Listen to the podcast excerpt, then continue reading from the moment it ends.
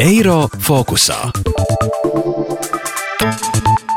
Ventspils domas priekšsēdētāja vietnieks Jānis Vītoliņš runā par veiksmīgo sadarbību, kas bijusi iepriekš ar Ventspils brīvostu, kā arī speciālās ekonomiskās zonas statusu, piedāvājot investoriem atvieglojumus, tā veicinot investīciju piesaisti 20 gadu garumā. Rūpniecības sektors radīts no nulles, jo vēsturiski Ventspils nav izcēlusies ar apstrādes rūpniecību.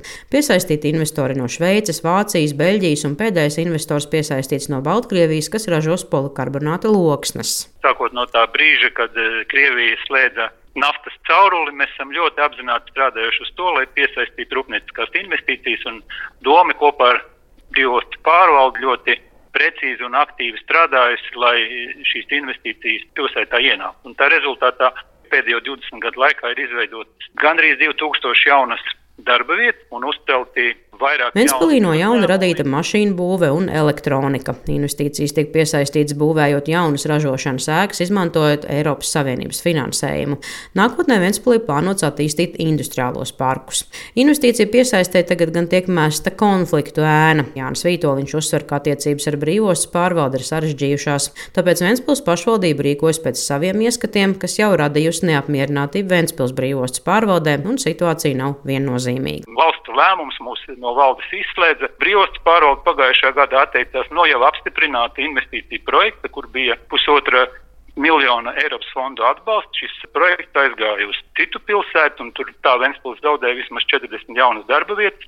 Mēs esam pieņēmuši lēmumu un izveidojuši pašvaldības iestādi Ventspils osta, kas tagad strādās ar investīcijām neatkarīgi no mūsu brīvostas pārvaldes. Mēs pieņēmām eh, par šīs iestādes vadītāju bijušo brīvostas pārvaldnieku Imantu Sārmulu. Mums ir vairāk kā 30 hektāru brīvas zemes. Strādāsim kā pašvaldība tagad tieši ar investīciju piesaisti. Gada laikā kopš Ventspils osta atrodas valsts pārvaldība sadarbībā starp Ventspils brīvostas pārvaldu un pilsētas pašvaldību ir izveidojusies konflikta situācija, kas apgrūtina investīciju piesaisti. Arī esošo komersantu darbību ostā skaidro Ventspils brīvostas pārvaldnieks Andris Purmalis. Nu, mēs nesmuki izskatāmies investoru priekšā šobrīd. Nemēģinām strīdēties kā ostas pārvalde, jo šo strīdu nav ne eskalējusi, ne arī uzsākusi.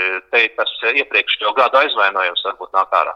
Jo visu laiku bija no vienas puses šie norādījumi nākuši, un tagad, ja mēs gribam sēsties pie viena galda ar vienlīdzīgām prasībām, arī tajā skaitā pret investoru un iespējams šim investoram radīt eh, labvēlīgu vidi viņu investīcijām, tad pirmkārt jānosēžās Ventspils brīvos pārvaldē un Ventspils domē pie viena galda, kas šobrīd nav izdevies. Un es domāju, ka tā ir šobrīd lielākā problēma.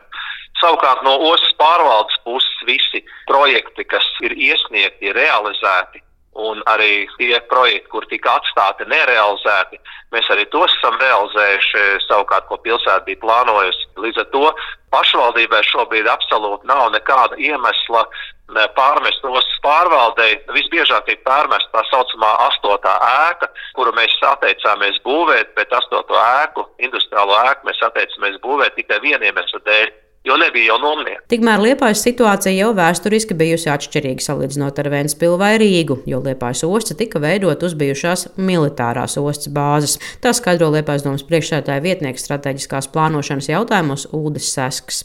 Kaut gan arī Liepājai uzstājīgi nāks skaidrot nepieciešamiem politiķiem valdībā nemainīt esošo ostas pārvaldības modeli, kas ļaus piesaistīt investīcijas. Ostas pārvaldības modeļa iespējamā māja, protams, izraisīja piesardzīgu nostāju investoru vidū, taču šobrīd šobrīd tomēr uzsākt arī pašmā investoru kompānijas UPB, viens no lielākajiem būvniecības projektiem, investējot 11 miljonus eiro jaunas dzelzbetona konstrukcijas ražotnē. Uztic šie uzņēmumi mums kā liepājas domai, liepājas speciālajai ekonomiskās zonas pārvaldē būvniecībā uz šobrīd jau esošas divas rūpnīcas un līdz uzsāksies Jensen metāla rūpnīcas būvniecība un arī vēl septiņas rūpnīcas ir projektēšanā un tāpat arī Liepājas metālurgu teritorijā. Tā kā, ja kādas pasaules kataklizmas nepatraucēs pašmāju valdība ar kādām nevisai varbūt pārdomātām reformām, tad nu, es esmu diezgan drošs, ka Liepā iet stabilā attīstības virzienā. Ceram to arī noturēt. Kopumā Liepā izdevies piesaistīt 41 valsts investors, kas ieguldījuši Liepājas sēž uzņēmumu pamatkapitālā. Visaktīvākā bijusi Zviedrija, Dānija, Krievija un Nīderlande. Visvairāk rūpniecis uzbūvējuši tieši Skandināvi. Turpinot sasks. Ieguldījuši savu uzņēmumu pamatkapitālos te jau 150 miljonus eiro, bet tas ir tikai ieguldījumi pamatkapitālos. Tas būtu jau cits aprēķins, cik izmaksājusi katra no tām rūpnīcām, pēdējo trīs gadu laikā ir uzbūvēts desmit rūpnīcas un 20. gadā piecas. Gan Liepāja, gan Ventspils uzsver IT tehnoloģiju nozares attīstības nozīmi. Liepājā, piemēram, izveidots IT nozares uzņēmumu klasteris, savukārt Ventspils vecpilsētā restaurēta ēka, kur tapusi platforma IT nozares uzņēmumiem, un top līdzīgs zinātnes centrs, kāds pazīstams Tartu Igaunijā, Ingozola Latvijas radio kurzemē. Eiro fokusā.